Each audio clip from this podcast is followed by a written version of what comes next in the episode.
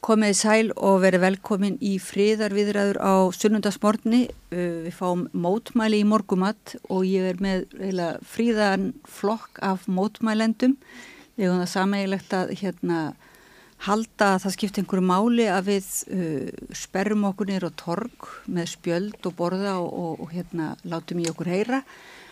Og við vorum að ræðum það hérna við Magastína um daginn hvern, hvernig eiginlega stæði á því fyrir utan að já, að við virkilega heldum að það skipti máli að við værum mættar þarna einhver, einhver, einhver staðar nýra á torg og böndin bárust að foreldrum okkar að uppbeldinu og við erum hugsaðum okkur að við þurftum að draga þau bara fyrir hálfgerðan rétt hérna. Uh, og þau voru svo góð að koma, það er Ævar Kjartansson uh, pappi minn og útvarsmaður það er Solveig Haugstóttir mamma Mögustínu og Elsu og amma Sölgu er Salvarar Gullbrár og langama Ylvu amma, nei, nei, amma Ylvu já, amma Ylvu þetta og langama eh, hérna Kolku Margreðar Svoleiðis að, og svo er ævar hérna líka einhver staðar á eh, afastrákur hans, þannig að þetta er svona ættarmót og ég bara tel að það sé rétt að því það er svolítið um innherja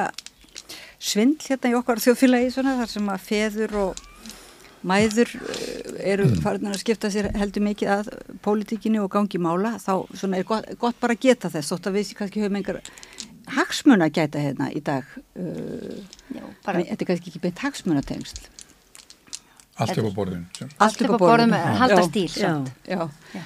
og þannig að mér langaði nú eiginlega bara að byrja á að hérna, spyrja ykkur hvernig þetta kannski ekki beitt úr æsku en, en þú mann, hvernig þú mannst fyrst eftir því að hafa fundi fyrir þessum svona mótmæla anda eða hvernig þú fyrst uh, tókst þátt í svona sem kalla, má kalla mótmæli?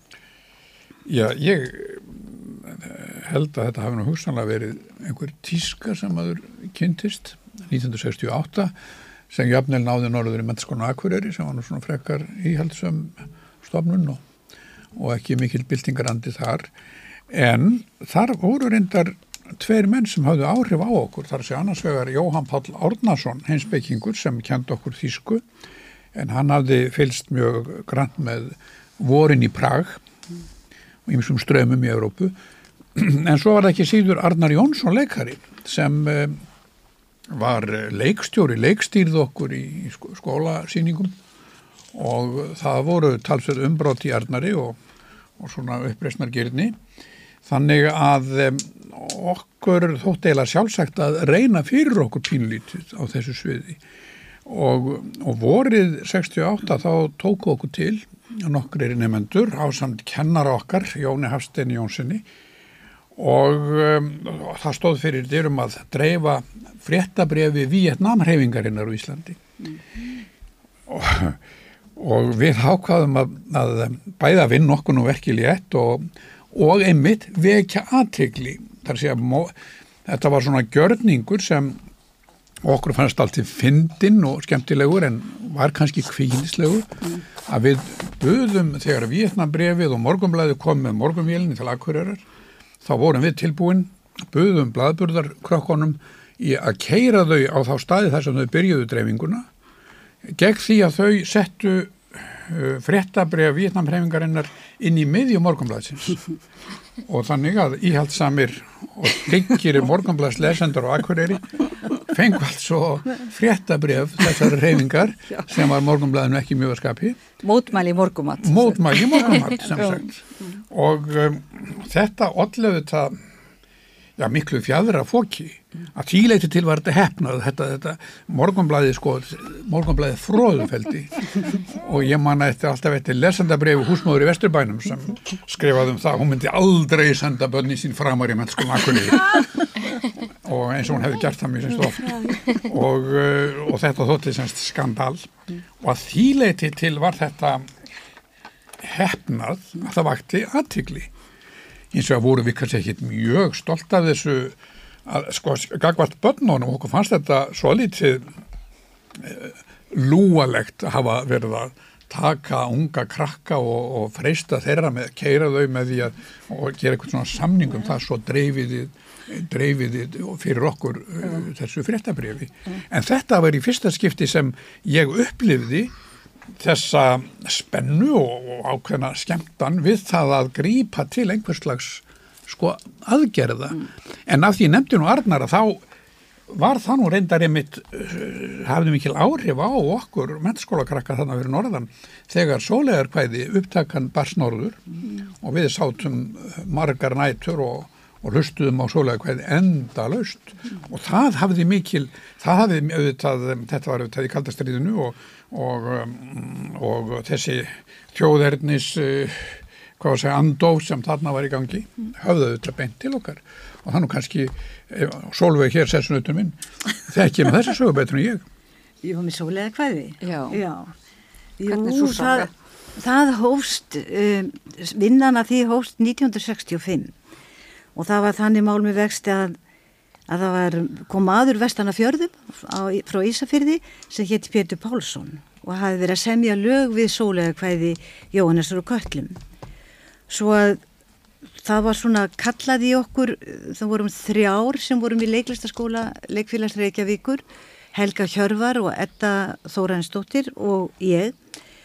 Og þarna söpnuðist við saman heima hjá, Pét, nei hérna ekki Pétri heldur Eyvindi Eiríksinni og Margreti Gummistóttur og það var byrjað að syngja sólega hvæði, laugin voru til, til þá strax sko.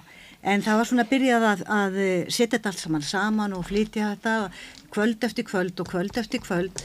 Og að lókum var þessi heil til sem var sólega hvaði allt. Og þarna kom inn líka, ég ætla ekki að gleyma alla heimi, Svensinni, sem útsetti lögið og svo fluttu við þetta á svona kvöldvöku hjá herrnámsanstæðingum mm. í Lindarbæi 1965, já, og við mikinn fögnuð. Og svo barst sólega hvæði út um landi, við fórum norður í land, við fórum til Siglufjörðar, Akureyrar, eh, Húsavíkur minni mig og fluttum þetta og, og þetta hafði svona, það hafði djúb áhrif á mann, bæði vinnan við sólega hvæði, kynast Pétri Pálssoni, mm. hann var múrari sem hérna samti þessi undur fögru lög og, og náttúrulega ekki síst auðvitað Jóhannes og Kvöllum Ljó, og ljóði sjálf því að ljóði sjálf inniber eh, sólei er eiginlega takk fyrir þjó, þjóðina mm. Getur nokkuð, þú maðurst ekki svona fyrstu línutnar fyrir, fyrir hlustendur? Jú, er ekki einhver tilbúin að bara syngja það með mér hér?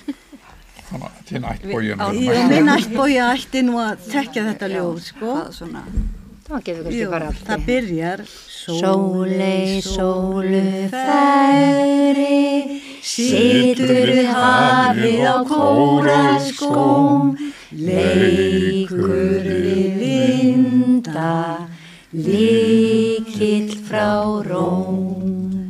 Augun blá eins og stjörnur, varirna rauðar sem blóm.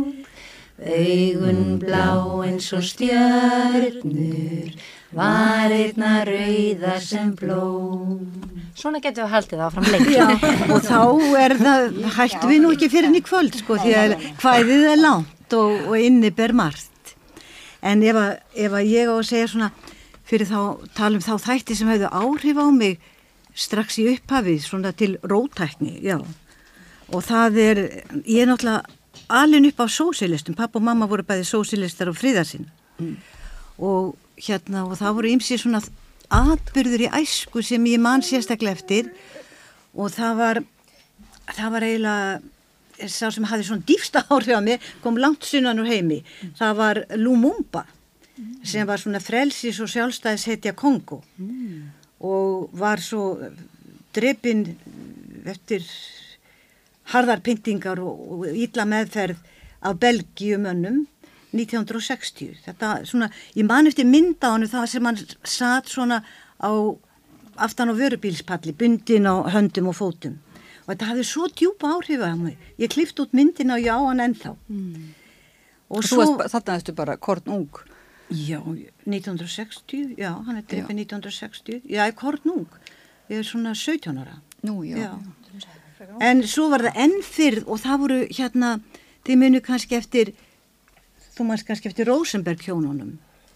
Jú. Þetta voru hjón, ég man- bandarísk hjón sem voru söguðum sko njóstnir fyrir Sovjetríkin og þetta voru McCarthy tímanum í bandaríkjónum og voru hérna sakfæld og tekin að lífi frá ungum börnum. Og þetta hafði líka, þetta, þetta var 1951 og þá var ég bara svona 10 ára, ekki einu svona 10 ára, 8 ára. Og þetta hafði líka rosalega djúb áhrif á mig, þessa fréttir. Og svo náttúrulega sko eins og þú ert að tala um svo setna meir sko her, her, hana göngurnar, keflagu göngurnar sem byrja strax í kringu 1960 og gengum við þar ekki meir og minna allar sko þetta voru nýju göngur allt í allt fyrsta 1960 og síðastu gangan göngunni laug 1991 sko Jú, jú, ég við allavega við Magastína rifjum það upp að við hefum gengið einhverjar göngur og, og, og okkur þótti svona skrúð, venjulega skrúðgöngu frekar fánýtar miða við þessar hérna, Já, og jáfnvel fyrsta göngur. mæ gangan, hún er svona, já, ekki fánýtt, það vil ég alls ekki Nei, segja. ekki fá, en, en þessi bar, frá barslegu þá fannst okkur að bara vanta svolítið þetta saminningaranda og þetta fjör sem var í uh, þessum herstöðanstæðinga göngum Já, já. eins og maður manna það.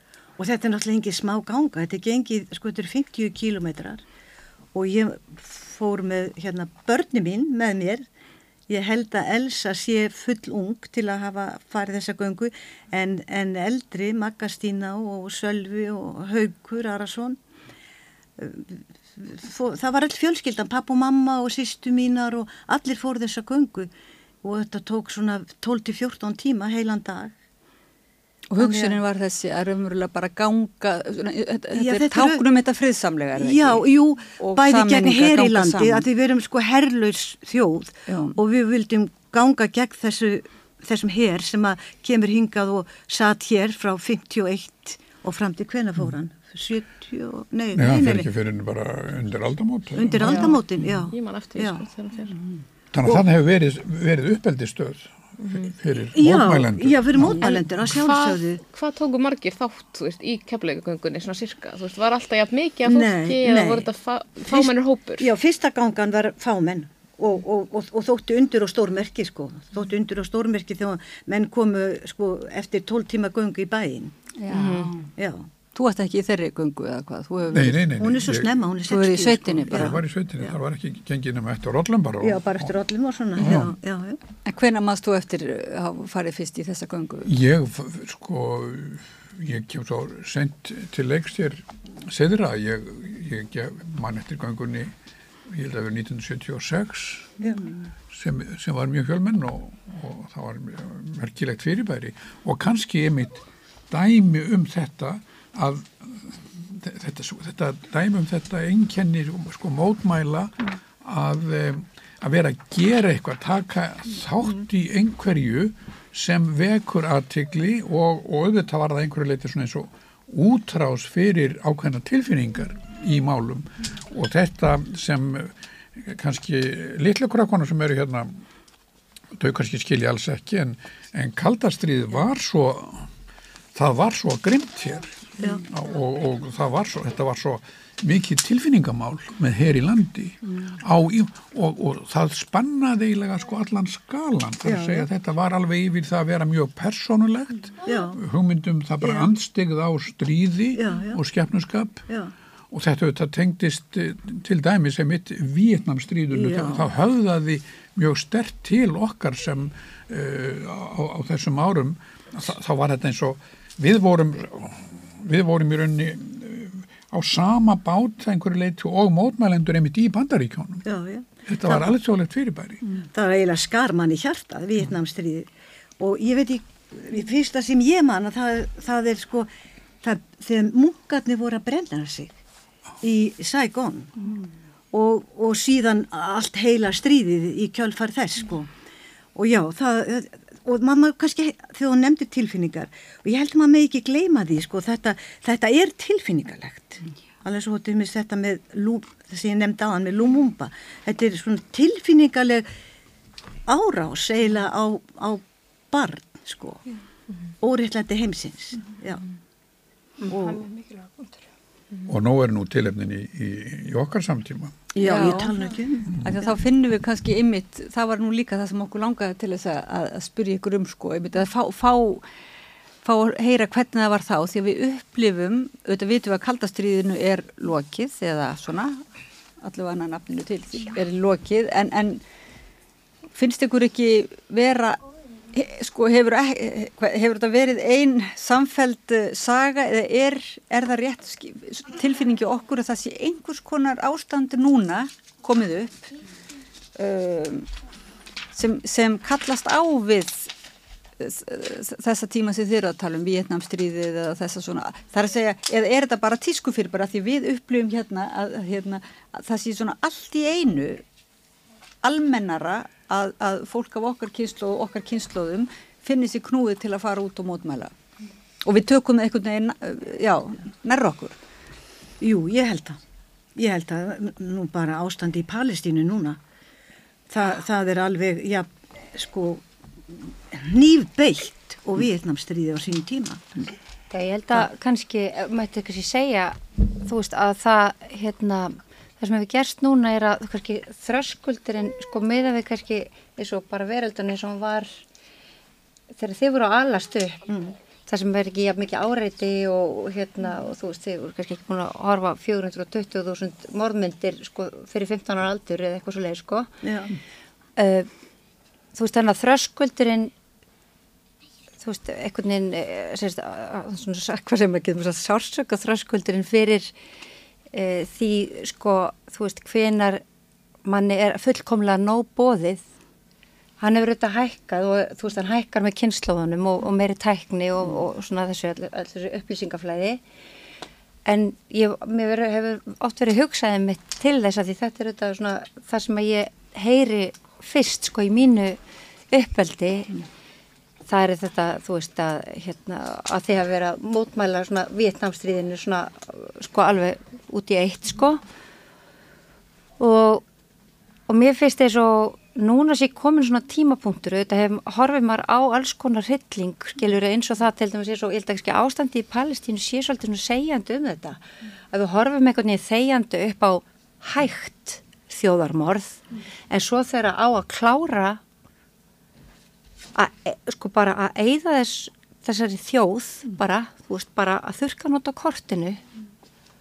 Þú veist, af þjóð sem hefur gengið í gegnum sko, sömu sama viðbjóðin, sko náttúrulega með aðstofbandar ekki manni ég ætla að bara, sko, eins og ég segi, það er þáttur út af fyrir sig. Að ég held að sé hérna að þá, þá þú veist, það, það hefur verið stíðið yfir einhvern sásöka þröskuld núna, sko og fólk bara getur ekki meir og ég eh, getur kannski tekið undir það, sko.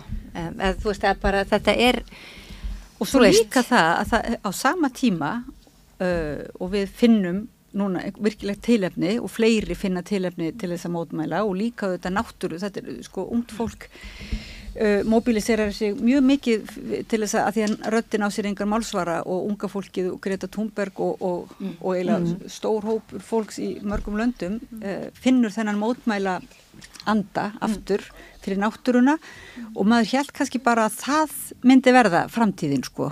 Þannig að en, en svo koma þessi pólitísku viðburðir og þá er svona mikil þáttaka líka í þeim. En kemur svo þessi bann að núna bara við á Vesturlundu verða að hugsa um að banna og byrjað að reyna að banna mótmæli. Það, Jú, ekki, en, sko, en sko það er náttúrulega miklu, það kallar miklu frekar á tilfinningar þegar verið er að beita valdi og, og ofbeldi og um, sko það er ekkert heimsveldi í sögunni sem hefur þrifist án ofbeldis. Það er að bandaríkin og þeirra fórusta í heiminum byggist á ofbeldi. Þeir, þeir beita alltaf ofbeldi ef með þarf Já. og þeir styðja þess vegna ofbeldi og þetta, þetta kallar fram í fólki náttúrulega mjög sterk viðbröð sem aftur umhverfismálinn gera kannski ekki því þar er engin, þar er engin vondikallin beinlínis. Það er bara heimskapitalismin sem, sem hérna, riðist áfram ímist hratt eða hægt. og stórfyrirtækja eigundunir svo sem og, og, og, og þetta er jú pólitíkusinn sem að styðja stórfyrirtækin gegn náttúrun og almenningi er Jú, en þetta er, þetta, er, þetta er allt saman eins og að vita þar sé að menn hafa svo mikið af upplýsingum og, og, og, og, og það er í það ætti að vera í rauninni svo auðvelt fyrir fólk bara við um heima að rýsa upp gegn þessu en þetta er miklu floknara þegar ekki er verið að, að, drepa hann beinlinis því það eins og, eins og núna ástandi í Palestínu það er svo svakalegt mm. að það hlýtur að kalla á ákaflega sterk, tilfinningaleg mm. og vitsmunaleg viðbröð Já. og Elsa þú varst nú kannski um, saði mér, þú ekki, þú ert þú kannski ekki svona mótmælandi nummer eitt þegar þú ekki svona þína, drefur ekki þína sjálfsmynd kannski af því að vera bara með rauða fánan á torgum endilega í gegnum tíðina. Ég er svona, ég er maður svona, kannski svona hæglátur, ég er síðust í rauðinni hérna af sískinu mínum, þannig að ég misti nú af, ég, ég misti af uh, keflaugagöngunum og því fjöru allir sko, maður var svo lítill, en þannig, en svona þetta er manni alltaf í blóðborið maður mann eftir því að einhvern veginn þetta svona innrætt í manni þessi, þessi friðarhyggja að einhvern veginn að vera á móti öllu ofbeldi og, og það maður bara skilur þetta ekki þetta ástand sem er einhvern veginn komið upp og einhvern veginn hvernig þetta gatt orðið svona rosalegt. Og ég hérna já, ég, það er satt, ég kannski ekki verið fremst á torkum í mótmælum en núna einmitt eins og varst að segja mig sko þröskuldin að þetta, þarna mann er svo innilega nóg bóðið sko. Og það er einhvern veginn svona og svo tengi ég líka við þessum að þeir, þessi áhrif sem að Lumumba hafði á þig mm. sem barn að nú er þessi dóttir mín að upplifa þetta sama, það er einhvern veginn svona hver, hvernig maður á orðað hvernig, hvernig getur maður útskýrt þetta fyrir barni, þetta er svo hefur svo tilfinningarlega áhrif og ég veit að við vorum að ræða þetta líka með drengin þinn? Jú, að því við, ég kom hann til að taka upp mótmæli eh, samstöðu fund með palestínunir og torki, taka upp fyrir hönd samstöð, samstöðvarinnar og hérna og þá voru þið mitt maður allar þar og, og börnin og svo var kallað á um, ennsku og arabisku mm. sem sagt, Free Palestine the, nei, from the river to the sea yeah. Free, free Palestine from the river to the sea. Svo, Palestine will be free uh, sem er notabenni sko orðið ólöglegt. Að, að það, það er hérna, nú má ekki segja þá setningu viða í Evrópu. No, það má ekki syngja þennar, þessa möndru ekki Breitlandi og ekki það flott já, já þetta er sérst söngur sem að e, þetta er bara söngur, palestísku söngur from the river, þetta er náttúrulega Jordan áinn Já, já, já. til hafsins en þá voru við bara að tala um sko að mér fannst einhvern veginn fyrir samstöðuna vantaði þetta á íslensku. Þannig að ég var eitthvað svona hérna. og þá og, hérna, og við, þá við vorum alls samt svo feimin einhvern veginn því það, það, það er nú meirin að segja það á, á, á torki að svona rópa að vera svona fórhópari já, fórhópari og þá bara, bara komst út úr skapnum bara, já, já.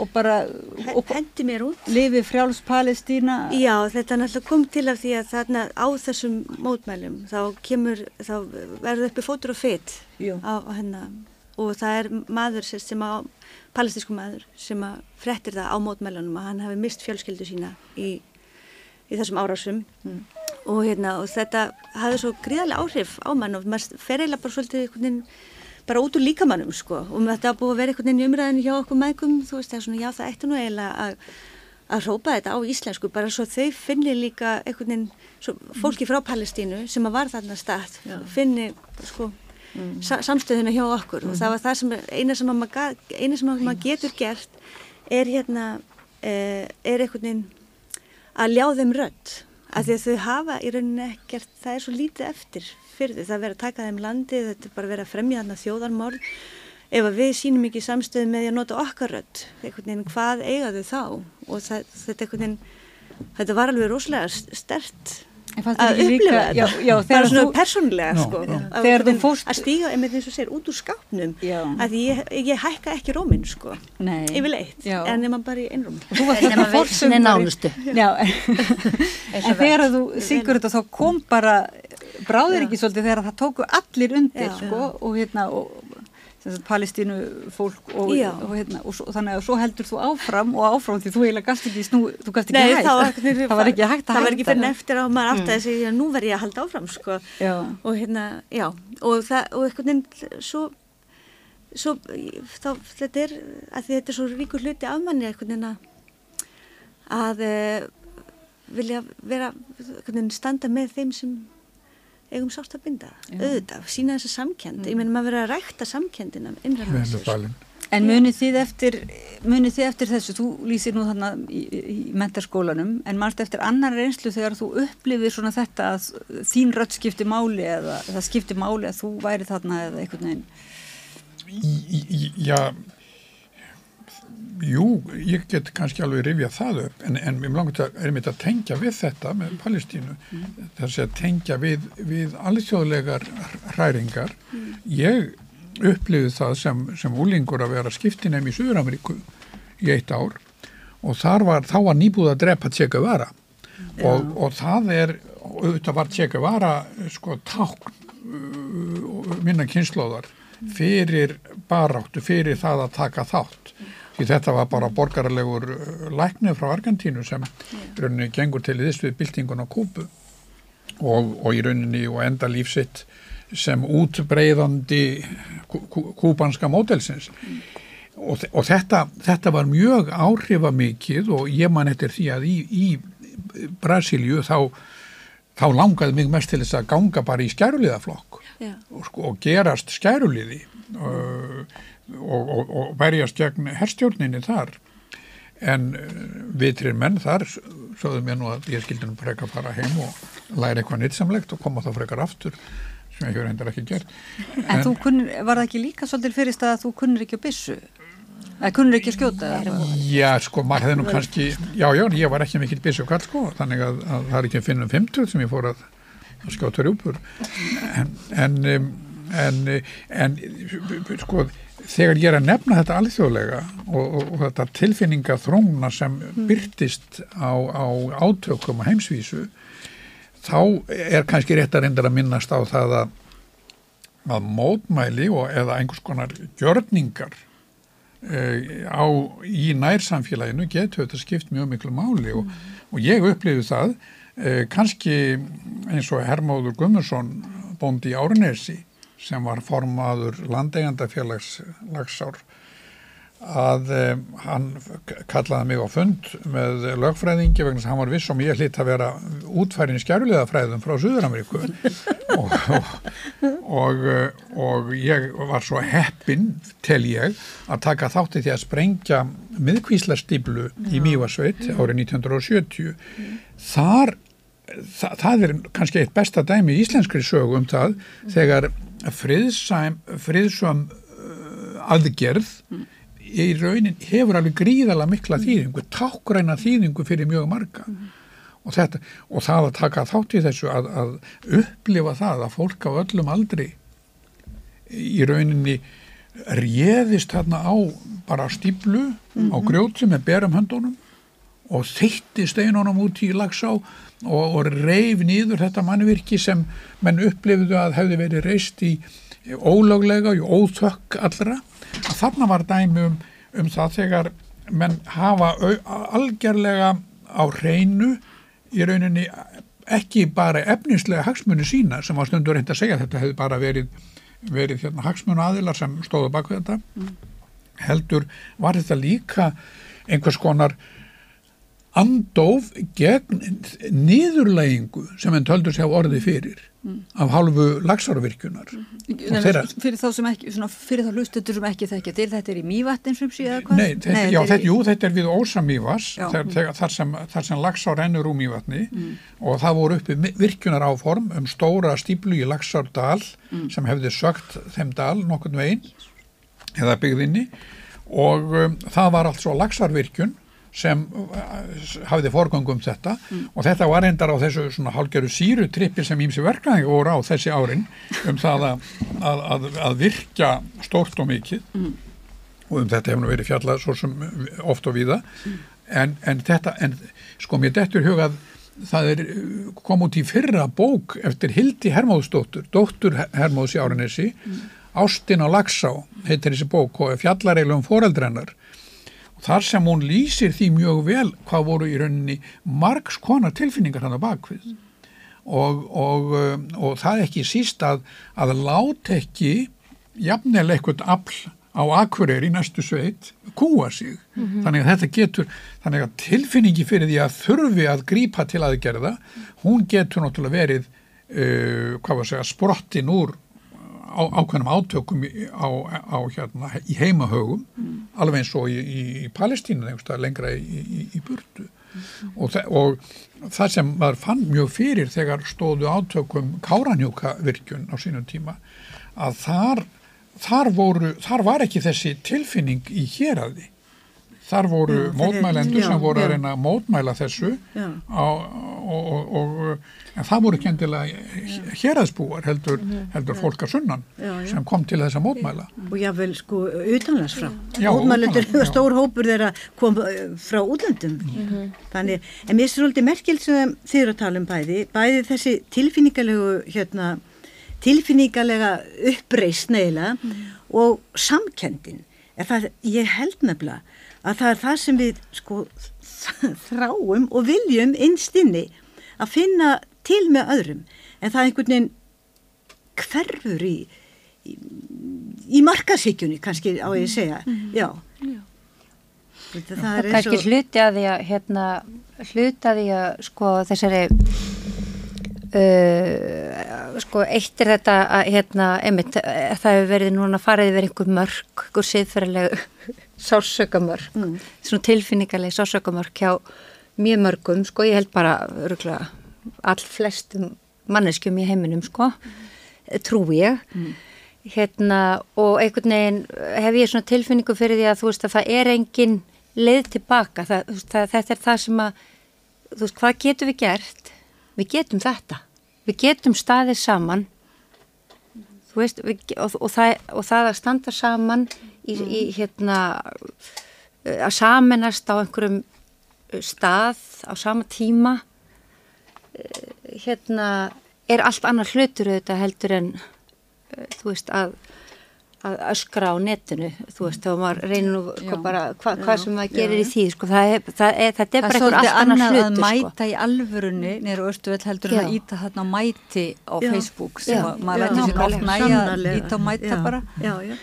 Svo eru svona mótmæli, þau eru líka nöðsileg, sko, nöðsilegt aðhald við stjórnvöld. Mm. Af því þetta er kannski okkar leið. Á detti mín að bli höfð, það er eitthvað sambarilegt við það að sko í, já, í Róm, hinn í fornu, að þá var gætnan þannig að Sigurvegarinn komi akandi í Sigurvagni eftir mikið stríð eh, og inn í, inn í Rómaborg, þá var alltaf þrællin bak við hann sem sagði sko Mehmet og Móri myndu að þú ert döðlegu líka. Og það er það sem skiptir svo miklu máli að haldi ekki að maður hafi allan heiminn í höndu sér. Við erum bara partur á stærri heild og, og það skiptir svo miklu máli Þess vegna er þetta svo, verður maður svo óttaslegin þegar maður heyrir af því að það sé verið bara hreinlega að banna mótmæli, banna samstöðu, Já. banna söng, banna slagord Já. og það, þau hafa ekki einu svona neitt með, e, það er engin andúð í gangi af því náttúrulega þetta, þetta stríð, maður getur falla að kalla þetta stríð, þetta þjóðamorð, það, er, e, það, það snýst ekki um trú eða landamæri, þetta er bara, styrst maður um manneskjuna þetta er bara manneskjur, Já, já, já. þetta er bara Já. um gesku og mennsku, Já. einhvern veginn. Já, þannig að það, þetta aðhald sem þú talar um, það er svo mikilvægt. Já, alveg bara- En þú Salfur ert sviðshöfundur og svona uppistandari og svo ertu nú, þú ert nú nýbúin að, er það ekki, vera bæðið að skipulegja um, skriftargjörning með, er það Já. ekki, sem er svona á mörgum en þú, þú hefur svolítið verið að, er kannar svolítið þessi mörg mótmælana pólitískra og svo svona þessarar sviðsetningar, listrætnar sviðsetningar. Já, já, ég náttúrulega, þú veist, já, ég, ég var með að skipulegja svona samskrif rítlistanema fyrir Palestínu, en það er einmitt svolítið beint, bein áhrif frá ömmu held ég, sko, af því að ég, það hefur alltaf verið svona svo stærst, þú veist, sem ég var alltaf bara mikið hjá ömmu, önnu, sem ég kalla alltaf önnu og enginn veit að skilur okkur. Ég hérna, því ég var lítil og þá var alltaf, þú veist, svo skýrst að skáldskapur og list, þú veist, gæti breytt einhverju og væri, þú veist, mikilvægt, þú veist, og við vorum að tala um sólega hvað áðan, sem ég skamast mér mikið fyrir að ég, ég kann ekki eins og hérna eldri, eldri kynsluður hér, já, tölum við móðum minnum það síðar.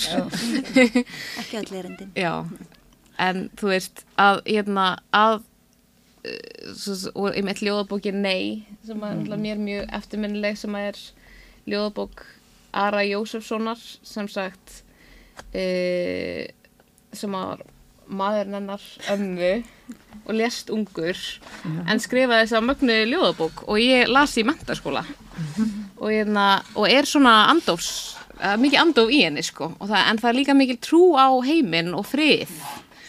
Og það er svona það helsta þú veist sem að er þú veist að að, hérna, að, að manni hefur verið innrætt að það sé hægt að beina öflum heimsins í einhver átt.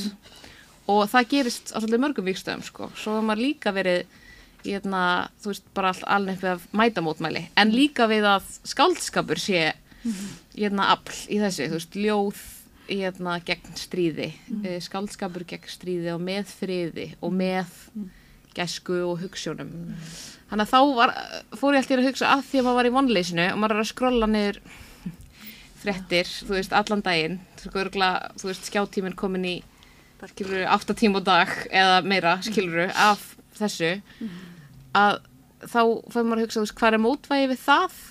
Og, og þá var einhvern veginn mín neðist að einhver leiti að halda samskrif þar sem að þú veist er hægt að einhvern veginn tjá eitthvað og reyna að koma út í heiminn einhverjum hugmyndum um eitthvað annað.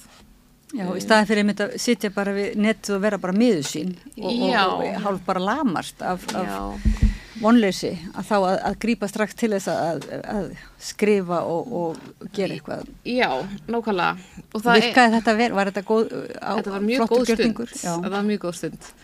Uh, og, hérna, og maður fann að þeir sem að mættu veist, að það fannst öllum gott að fá þetta tækifæri til þess að uh, gera eitthvað annað en bara taka alltaf inn upplýsingar og vera alltaf einhvern veginn að Já, það er hérna, já, bara, þú veist, gera eitthvað við þetta. Gera eitthvað við það sem maður er að taka inn sko, en, en mér er alltaf fundist, þú veist já, ég er alltaf sviðslutakona sko, en, en hérna, mér finnst grunnurinn í þess að maður er búin að vera að gera vera mjög mikil aktivismi, þú veist. Það er svona mjög á, áhrifa Ég, bara af því að Ævar þú varst að tala um hvað sólega hvað þið hefði haft djúpa áhrif á, á þig og þína félaga Já. að þá, það er akkurat þetta sem þú vart að segja. Og ljóðið í raun og veru er ofbóstlega mikilvægt. Það er bara einhvern veginn svolítið gleymst sko ég, ég er ekki meina sem, sem sko, jú bara sem afl, þú veist, já, bara orðið orðið, auðvitað já, Það er þessi kingi máttur, eða náttúrulega orðlist er líka Já. tengd svo sem galdri, þessari hugsun um að, um að hafa beinlinis áhrif með svarta galdri eða hvíta galdri, Já, svarti galdur er þá já, eins og og, hérna, þegar að gripið til ofbeldis í Já. mótmæla aðgerðum og, og hvíti galdur þá svona þetta friðsam, friðsamlega en getur, ég sé að þú ert nú með, er, ert ekki með frum ritið af bókinni, það er Jú. oft sem að færa, getur nokkuð rétt það hérna að, að myndavilinni uh, Er það svona? Já, já, en þetta er nú bara lítið hver þú veist, Já. þetta er lítið hver en þeim er stærra en vantar sko forsíðuna Já, ég því miður tók bara þú veist, ég á annað. Ég á annað en bara ke- kemur það næst. En, en myndur þú uh, hérna, nokkuð lesa fyrir okkur eitthvað svona að því þú ert nú ekki, Jú, þú ert leikona ég er alveg til í það sko það, e, það þessu hver er líkur á hvæði sem heitir trúarjátning. Mm. og er svona lýsandi fyrir afstöðu aðra til lífsins. Já.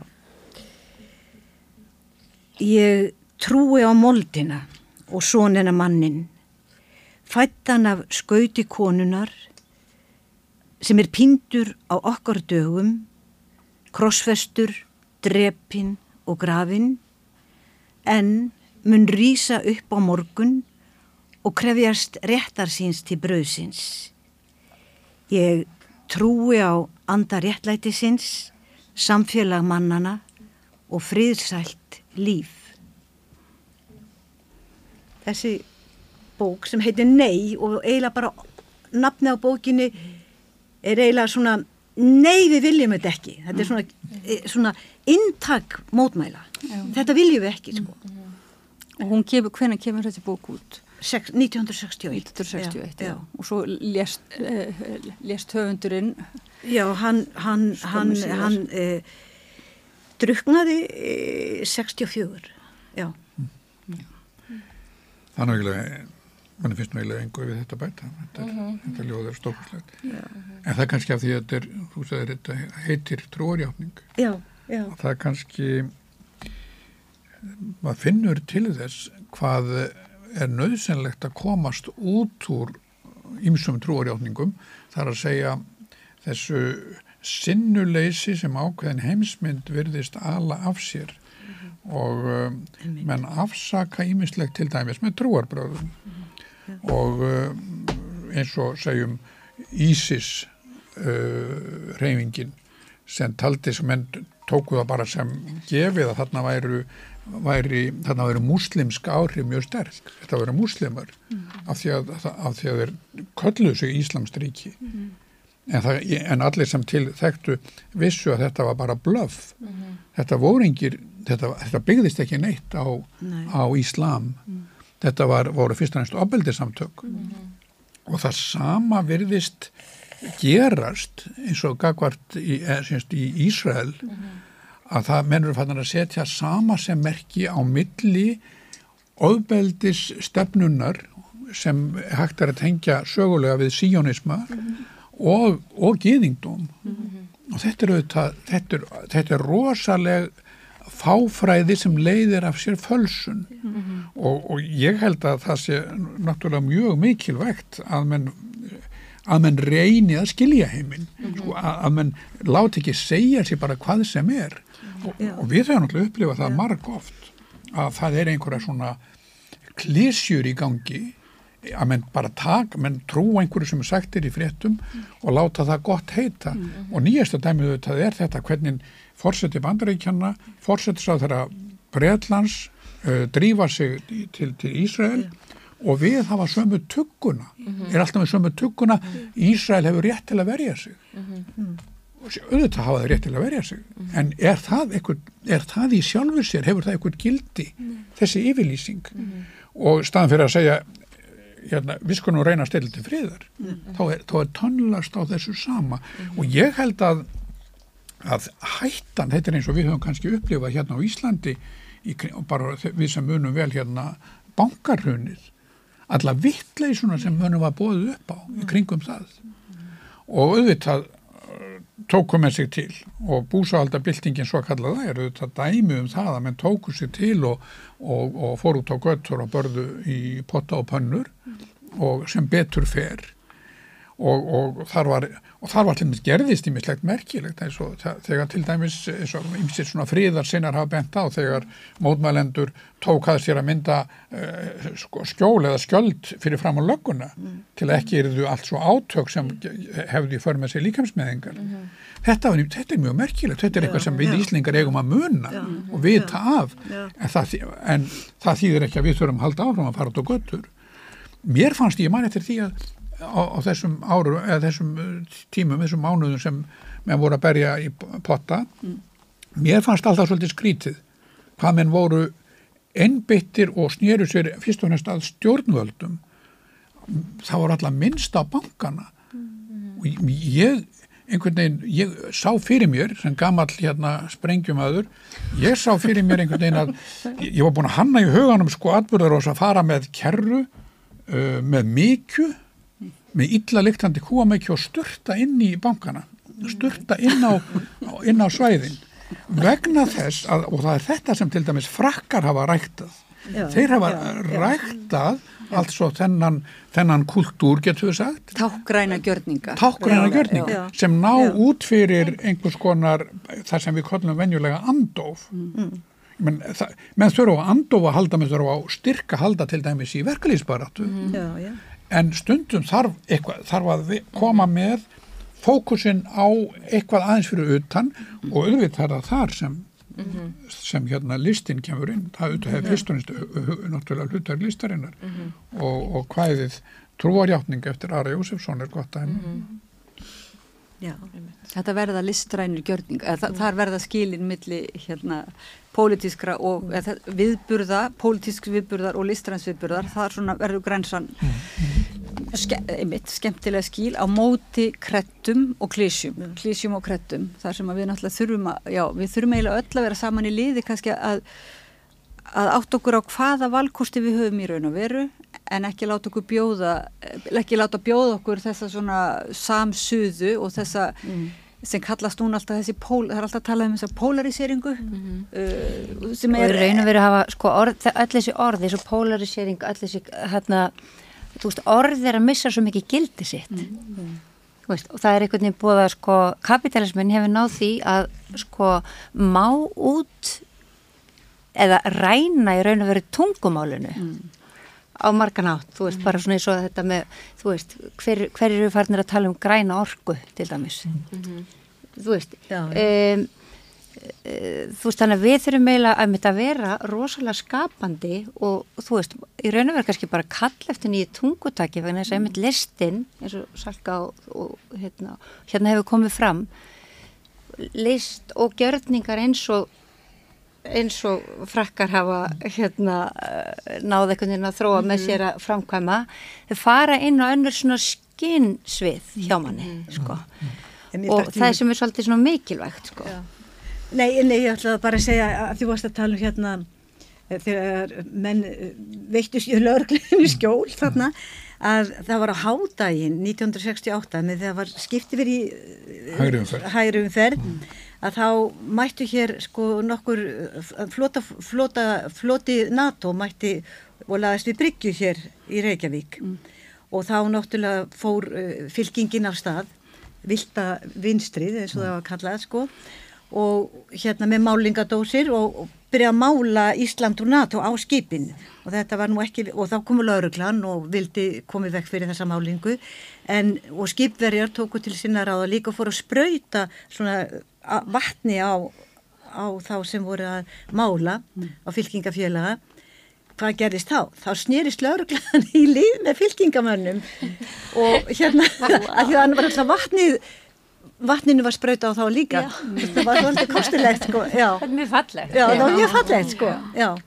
og ég man eftir því að sko, þeir sem voru handteknir eh, svona, fórustu með fylkingarinn að þarna að Já, já, þá, já, það voru nokkrið sko. Mm. og hérna og ég var að leita sérstaklega einum þeirra sko. Og hérna og sem hafi verið handtekinn og, og ég fór bara inn og, ég get svara, ég fór bara inn og laurglustunum og náði í hann. Og það var, það var ekkert mál.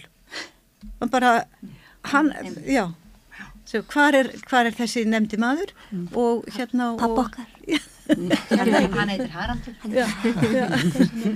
Og, og, og svo lappuð við út saman.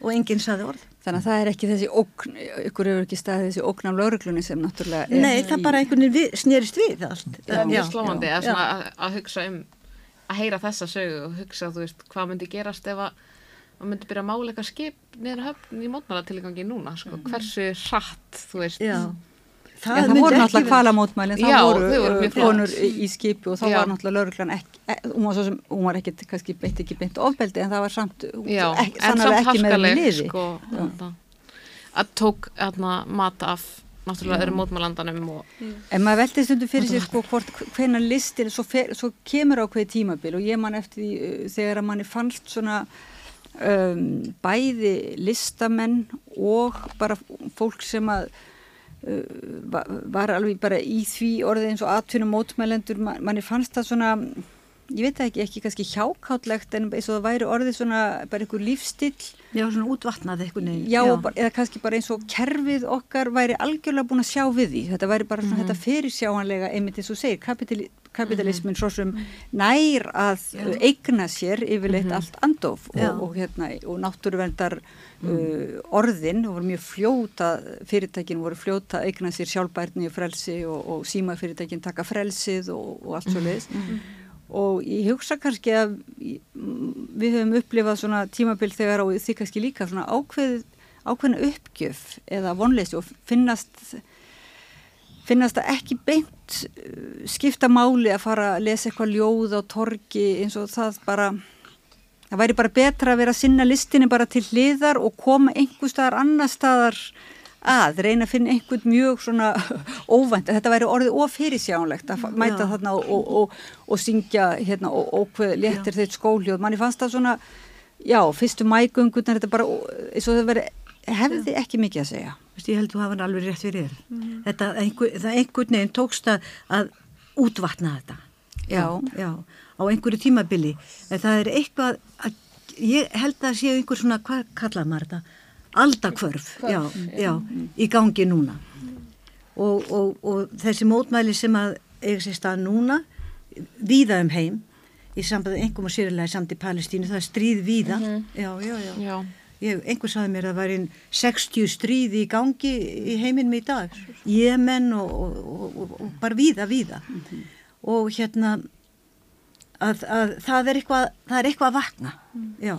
og kannski tengist það líka þessum hérna þetta með náttúruna að standa vörðum náttúruna og, og hérna og já, þetta er svona, það er margt að gerast. Það er margt að gerast, já. Já. En, en þú varst nú líka í kjarabaróttu, uh, sko, man ég, eftir, lagði nú, það, það hafði nú mikil áhrif svona á mann þe- þessi, þegar þið fóruð í verkfall, var það ekki? Jú, jú, já, sko, það var nú kannski það sem ég tók þátt í minnistætt, það var í rauninni BSRB-verkvall 1984 sem uh, stóð lengi og voru í rauninni alltaf harður hnútur en þar komu líka þar komu líka inn þessi tákgrænu atriði.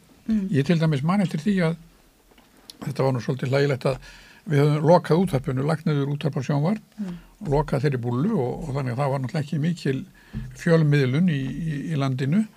Og um, við verkvæl sem að brögum á það ráð að um, lesa í gjallarhorn uh, sko fréttir af verkfallinu. Já. og um, það voru sérstaklega tveir menn uh, hérna Augmundur Jónasson og, Helgi Már Artúrsson vanir bladamenn sem skrifuðu já, á nóttunni held ég aðalega skrifuðu heilt blað BSRB tíðindi. Og þetta var tekið á mótnana, farið með út í bíl og með gjallarhortni og lesið kyrt hérna göttunar og lesið til þess að að, að menn viss gætu fylst örlítið með. Og, um, og þarna var uh, ég man er sérstaklega eitt skipti sem öðlaðist að þá fór þetta út fyrir svona ramman að, að Pétur Pétursson heitinn Þulur með sína miklu rödd, hann var að lesa satt í aftursættinu og las mjög hátt og skýrt. Og svo erum við á leiðinni niður, niður hér bankarstrætið þá sér hann fórsættisráð þeirra sem þá var Stengrimur Hermansson að hann er að koma til vinnu sinnar og er að ganga að stjórnaráðinu og þá kallar Pétur til hans og Stengrimur, hvað, hvað ætlar þú að gera í dag? ætlar þú að leysa þetta verkfall í dag? Og þetta kom svo skemmtilega inn í, þetta var svona eins og bara æft leikrit. Auðvitað heyrðist ekkert í Ste- Stengrimur leit við og svaraði einhverju en það heyrði enginn. En, en, en sko, að það, og það voru ímsir það voru ímsir svona tilvik í þessu verkvalli sem settu, sem höfðu ákveðin áhrif ég var, maður til dæmis eftir því að, að, að mentamálar á þennan þáverandi haf, he, sko, það, það voru lesnar fréttir á í útverfinu stuttar fréttir og svo var spilað músík. Og um, henni fannst eða einhverjum að, að það, var, það væri einhver hlut, hlutdrægni í þessum fréttum. Þannig að hún heimtaði að fá fréttirnar sendar semst ljósitt af fréttunum sendi upp í ráðunetti og ég man að Hörður Viljámsson sem var fjármálastjór útvarsins honum fjall þetta óskaplega honum fann, hann upplýði svo stert að þarna væri ráðherra að í rauninni að, að beita valdi sem væri ó, segja, sem væri ósamrýmanlegt svona líraðis hugsun og, um, og hann stóð sjálfur samt þarna við vélina, ljósituna vélina og ljósitaði og þá stundum við það að við settum inn, það var einn ákála hagmæltur starfsmæður Jón Örn Marinósson sem orti gerðnan á, á mótnan og orti svona brag, gerði svona smá fundargerð og á sjónarhóli verkvælsmanna og ég man að við skelltum þessu inn í ljósitunavélina og hörður leita alltaf svona undan og með hann hóttist ekki taka eftir því Já. og þann, þannig var komin allt í hennu svona einhver farvegur fyrir gaggrín og mótmæli við mentamálar á þeirra. Þetta var ákaflega pent en það hörður og Jón Örn, þeir voru kunnir hérna kurteisir menn og hæglætis menn Sóma menn eins og hér. En, en sko, en þetta, þetta með orðin sem þú varst að segja Magastína þetta að orðin kannski verða dalti jöskuð og menn, menn auðvitað við erum að tala, við erum að beita hérna sitjum við og, og, og, og tölum og tölum og tölum. En hvað annað getum við gert? Verðum við ekki að tala? Við verðum að tala. Náttúrulega. Okkur er nú Já, við erum að tjá okkur Tjá með okkur. þeim hætti sem við getum og, og hérna og náttúrulega og það er auðvitað því var svona líka að diskutera þetta við e, sérst son minn um daginn svona hvort að, hvort að svona mótmæli skiptu máli eða hvort þið gerðu það ekki og hérna og þá emitt kemst maður bara alltaf að sömu nýðist þetta er bara það, maður, þú, maður hefur ekki upp á nýtt annað að bjóða heldur en akkurat þetta Mm. að fara og sína það ekki, sko, þú veist, ég, ég fer ekki vopnuð uh, sprengivörpum, þú veist, og varpaðum á nokkuð einasta mann, en ég get, ég get sínt í verki, þú veist, sko, og ég get sínt, ég get, ég get látið í ljósi skoðun mína og ég verð að gera það. Og þetta er orðið, náttúrulega, að að sko, núna lifum við á svo, mér finnst við lifa á svo hættunum tímum og hérna, þess að það er svo mikil þöggun í gangi og maður finnir það líka bara í svona sínu daglega lífi og, og sko að því að nú er ég nú orðin amma og, og þú veist og 55 og, og hérna búin að lifa sérst í meirinn halva öld. Og hérna hefur rægt að við náttu við alls konar fólk sem hefur orðið bara, þú veist, bara farið í alls konar áttir og, og hérna og eru dásanlega vinni mínir og, og ég verðist einhvern veginn ná að hleypa upp sko hverju matabóðinu og fættur öðru skilur einhvern veginn. En það sem að ver, við, veist það sem að veist verður það verður að halda því til haga þú veist þetta er rosalega tilfinningalegt allt er mjög tilfinningalegt. En við verðum að vera sammála um að geta verið ósammála.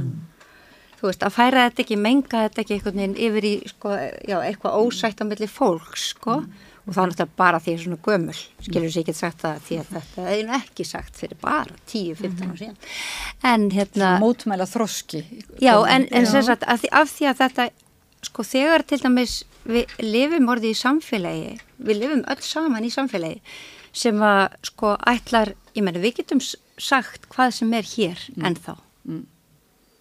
Það er ekki einu sinni hægt í Fraklandi, Berlín eða Breitlandi og það hefði mér ekki dottið í hug einu sinni fyrir, sko, mánuði síðan. Nei, nei, nei. Mér hefði bara Já. ekki dottið í hug.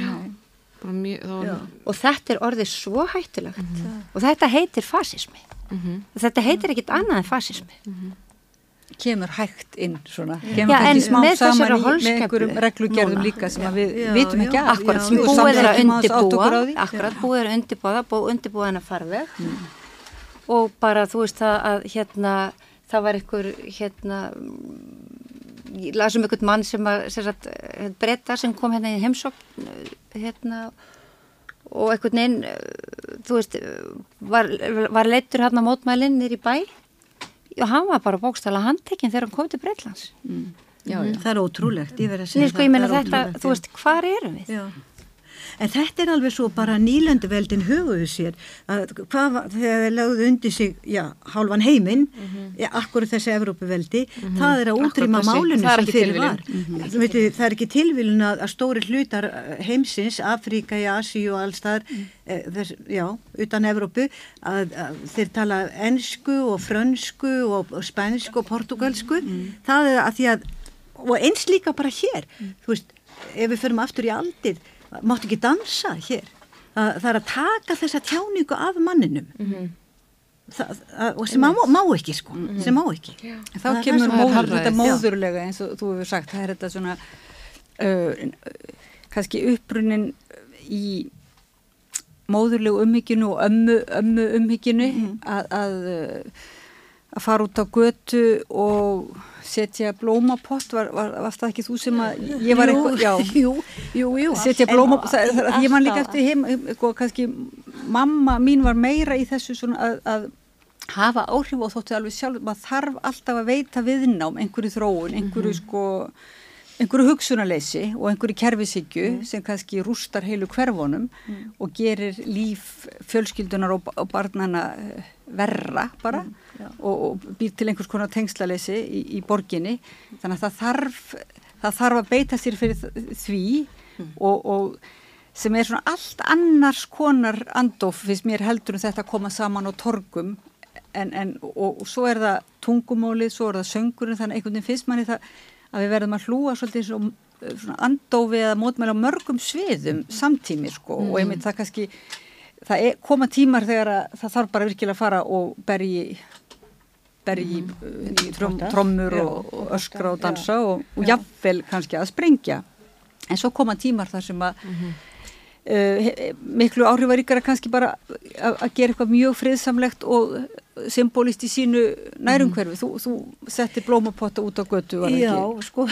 Ofbásla Já. þólumóð. Já, Aftur já, og reyndar, og sko, reyndar við, við bæði fóreldrar þessara stúlkna og drengja sem við eigum að sko, hann var alltaf á flegi ferð út á götu að reyna að hæja á umferðinni og ég setti blómapott og hérna æjóni æ út af miða götu en svo voru þeir jafnan annarkvort kerðir nýður eða kurtislega ferði til hlýðar og, og lokum gafst ég upp og ég veit ekki hvað það myndi enda, ég myndi reyna þetta í dag sko, í þessum, þessar ríkalegu umferð. Og allt var þetta bara af umhyggju sko svo börn, börnin í kring, bæði mín börn og, eða okkar börn og, og annara er þið ekki eh, fyrir skada? En hvena kemur þá, þá kemur líka þetta sko ljóninju þegar mæður og feður ætla að verja sín börn. Og, og, og, og svo einmitt þegar kemur þetta því langar til að verja börnin sem er að deyja í Palestínu, það er þetta svona res, þegar þú ert farin að hugsa. Hvena kemur kemur að auknarblikinu þegar að þér finnst réttlætanlegt að uh, sprengi eitthvað þú sprengi eitthvað upp eða beita ofbeldi beinleinis Sko, ég, veistu það, ég geti eiginlega ekki svaraði mér, dettur í hug það sem að Elsa Maria sagði við mig í gær, hún er alltaf að skoða Instagram og svona og sjá, sjá þe þe þessar hræðilegu hluti sem er að gerast í Palestínu. Og henni finnst það hefur hennar börn. Og kannski getum við hugsað þetta svona svolítið vítt að ég er ekki öll börn heimsins? Sko þau eru mörg. Ég veit þau eru mörg og við getum ekki haldið utan þau öll og sett blómapott á götuna fyrir þau öll eða neitt. En, en minnskosti hugsanir og tilfinningar. Við getum og, og við vendum náttúrulega það sem er næst okkur. Börn og barnabörn og barna barnabörn Jú, það má ekki Og- vera þannig að menn séu alltaf að hugsa um kannski börnin og hjara veraldar og hugsa ekki um sín eigin börn eða, Nei, sko, nei það, það, þetta verður einhvern, þetta er allt samt finnað, sko. já, Þú þetta orsaka þessi- samengi og svo náttúrulega Já. kemur það eins og við hefum rætt sumum finnst auðveldara að uh, koma saman og ræða um náttúru, náttúruvernd til dæmis heldur en að, og þá, það kemur líka oft mót, hjá mótmælendum svona hvað er þetta, ákveðin ágreiningur um hv- hvar á að byrja, sko, skiljið Mennur á hvaða slag á að taka Já, hvaða slag á að taka, já, kannski það, og þetta er það, þetta er alltaf eitthvað sem, sem, sem að stendur frammi fyrir. Þú veist, hvaða slag á maður að taka? E, sko, og það er gott að við skiptum bara með okkur verkum En í ég- þessu. Já, Tala fyrir mig, sko, ég, ég get ekki tala fyrir aðra, en, en sko, ég, ég er einlægu fríðarsinni. Mér finnst að hræðilegsti glæpur í veröldinu að meiða aðra og drepa annað fólk. Og, já, Nei, nei Já. ég, ég ætla bara þetta sem þú nefndir með sko börn, barnabörn og, barnabarnabörn. Þú ert langama og ég er langafi þetta er, þá held ég nú reyndar að, að einmitt umhverfismálin komi þar inn núna já. þegar við erum að hugsa já, um já, sko afkomendur okkar sko það er svo, það er auðvilt fyrir fólk sem er orðið uh, fullorðið að segja, já, já, þetta slampast ég setnum bara dísileikvan í gang og þetta slampast einhvern veginn Mhm. en ef við hugsum um eins og, eins og Andri Snær er snillingur í að, að við reyna að setja tíma vitt inn, inn í hlutina Mhm. þá þurfum við virkilega að, að taka til hendinni og taka á hlutunum en þar er þessi vandi að, að stjórnmálmenn þeir náttúrulega eru kostin til fjögur ára já. og það verðist vera ómögulegt að fá stjórnmálamenn alveg sama hvar í heiminum til þess að hugsa í alvörunni til framtíðar. Þeir haldið þessi eilífið, sko. Það er þetta með mentum stendur sko, þetta sem bara skiptir máli. hagsmunageslu þeir stunda bara hagsmunagæslu. Það er það eina sem að stjórnmálamenn nútíma skera. Það vantar einhvern að baki þeirra sem minnir það vantar á. þrælinn, Já, sko. já. Og þ- að það er nákvæmlega það sem að það vantar einmitt þrælinn. Ég skal bjóðast til þess að vera þessi þræll fyrir íslensku ríkistjórnina. Já. Já. Uh, af því að hún er líka döðleg, sko. Myndu þú taka þér að tölta á eftir Katrínu Jakobsdóttur og segja alltaf við hana Katrín, myndu að þú átt eftir að Ég skal og taka aðrir." það að mér. Hún reyndi nú eiginlega að gera það í gær Ég- ég... þegar hún stóð sko síðust eftir, eftir þessi mótmæli þann ráðherrabústæðin Mm. Og Það reyndi ég hérna- að taka ráðherrana og reyndi persónlega. að taka persónulega ráðherrana tali og svona gekk Já, það gekk, að hún kom aldrei út, sko. Reyndar, En þeir hlaupa líka inn í bíla, sko. Með, Já, og það þau svona- náttúrulega eins rættu að gátt inn í bíla, en ég svona náði hérna einhverjum að svona, hérna, að að reyna að skjóta, svona, að höfða til þeirra persónlega líka, skilur við. Af því að, þú veist, það er mjög auðvelt nákvæmlega eins og hún gerir í gær þegar fólk er þarna bara af öllu hjarta komið margt, skilur við, kemur seint og seint í vinnuna sína til þess að hérna mótmæla þess, uh, sprengjuregni þar sem 1500 börn hafa verið sprengt í loftu uh, þá kemur hún út hún tekur við einhverjum undirskriftalista fer, fer svona uh, hérna þvoklumælt með þölu um það hvað íslensk stjórnvöld hafa gert uh, þú veist til uh, röflað um Palestínu á undanfærnum árum, árum. Uh, og hún ávarpar ekki einu sinni hún ávarpar ekki einu sinni fólki Almenning, almenning.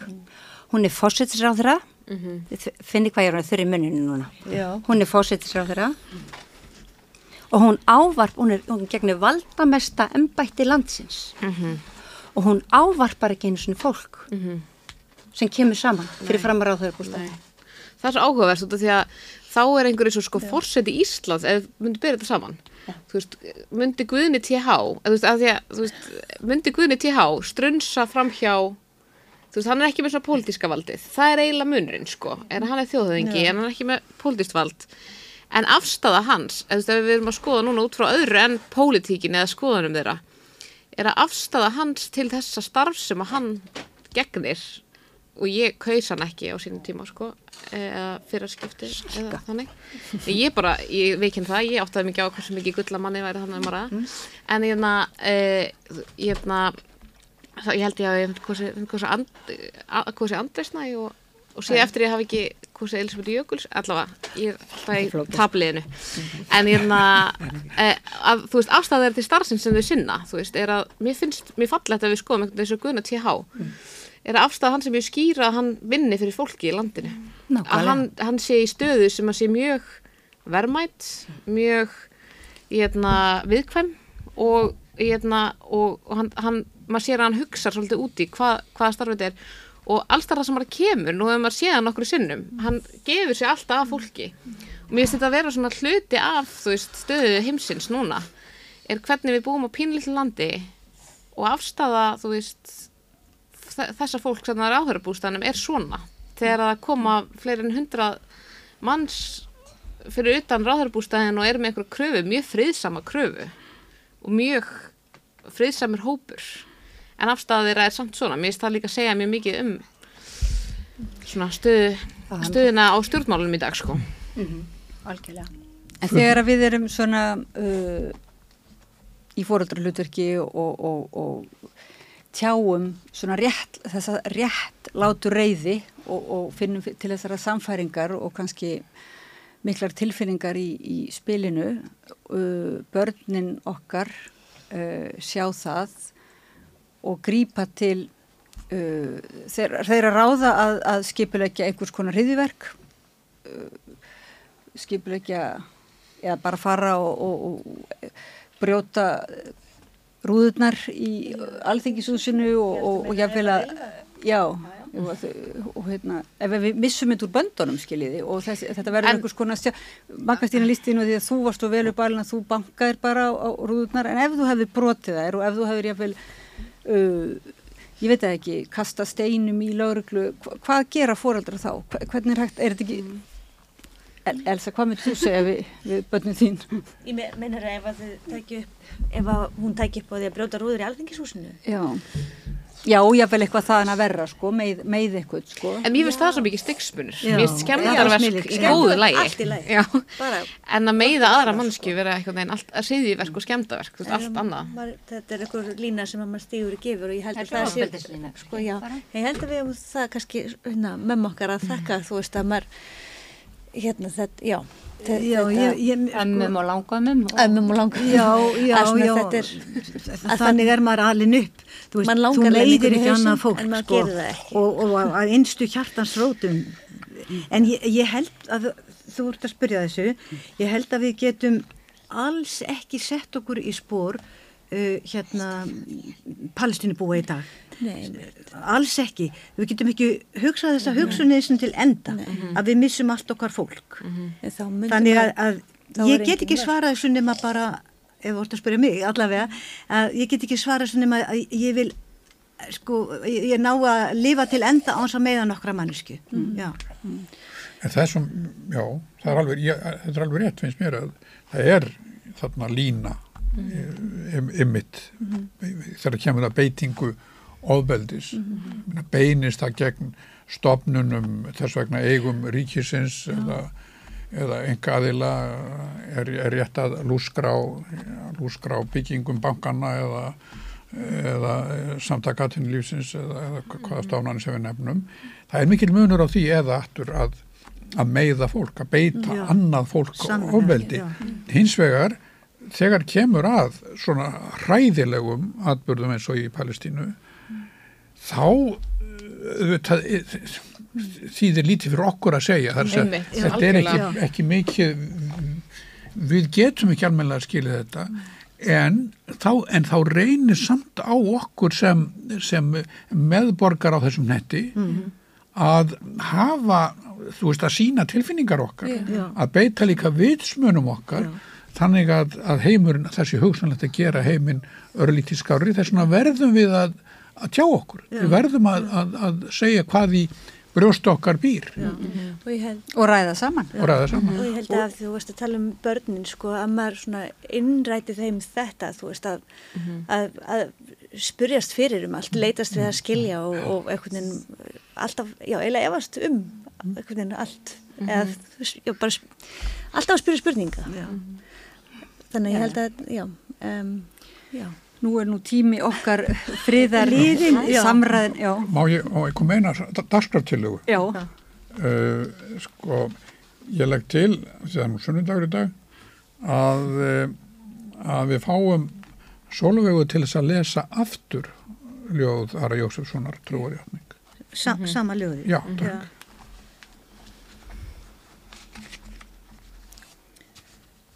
Trúarjáttning Ég trúi á moldina og sonina mannin fættan af skauti konunar ég verð að fá að byrja aftur sko. Já. Já. Trúarjáttning ég trúi á moldina og sonina mannin fættan af skauti konunar sem er pindur á okkar dögum krossfestur, dáin og grafin en mun rýsa upp á morgun og krefjast réttar síns til bröðsins. Fyrir gefið. Já, réttar síns til bröðsins. Þú getur kannski bara klárað ljóðið eða hvað? Já, að- segðu þú það, síðustu tvö og svo getum við klipt það saman. Ég, Ég trúi á anda réttlætisins, samfélag mannanna og friðsælt líf. já, þetta er fínt að við lesum það saman. Jú, Já, það var það. já. Ég var að lesa fleiri ljóði eða uh, ég- eða ég var að segja Jú, máttu velja. Segja þetta gott, þú komst með aðra bók var það ekki? Jú, ég sko, já, ég, jú, ég með aðra bók, það er, það er nú bara lítið viðlag, eða svona, sem að, hérna, við ljóð, þetta er um, hérna, þetta er kvæði sem er um barnamorðingjan Marju Farrar, sem er líklega kannski lítil stúlka, lítil óhamyggjusum fátak stúlka í Þýskalandi einhver tíman á öldum áður og hún uh, lendir þeirra óhæmmikja að vera barsafandi og, og, og fyrir kemur sínu barni strax eftir fæðingu og er þá dæmt til ævilangra fangilsisvistar. Og, og þetta er svo langt hvæði, þetta er eftir Bertolt Brecht og, og að við fyrir ekki að lesa það akkurat núna að bara viðlægið er svolítið stert, ekkert svolítið stert, það er svo ægi stert. Og bara, þetta er bara tværi línur sko. En gríða byð ég herra af ykkur hinnum Því hvað er líf án samhjálpar frá vinum? Þetta er bara svona. Mm. Mm. Mikilvæg leinur. Ævar Kjartarsson, Kjartansson, uh, Solveig Haugstóttir, Salfur Gullbrá Þórarinsdóttir, Margret Kristín Blöndal, Elsa Maria Blöndal og Kolka Margret. Mm -hmm. Bergstóttir. Bergstóttir. uh, og Ylva og Ævar við, ég þakka ykkur kærlega fyrir að sitja hérna og ræða um frið og mótmæli Takk, Takk fyrir komuna Takk leiðis Allir þættir samstæðvarinnar eru fáanlegir á öllum helstu hlaðvarpsveitum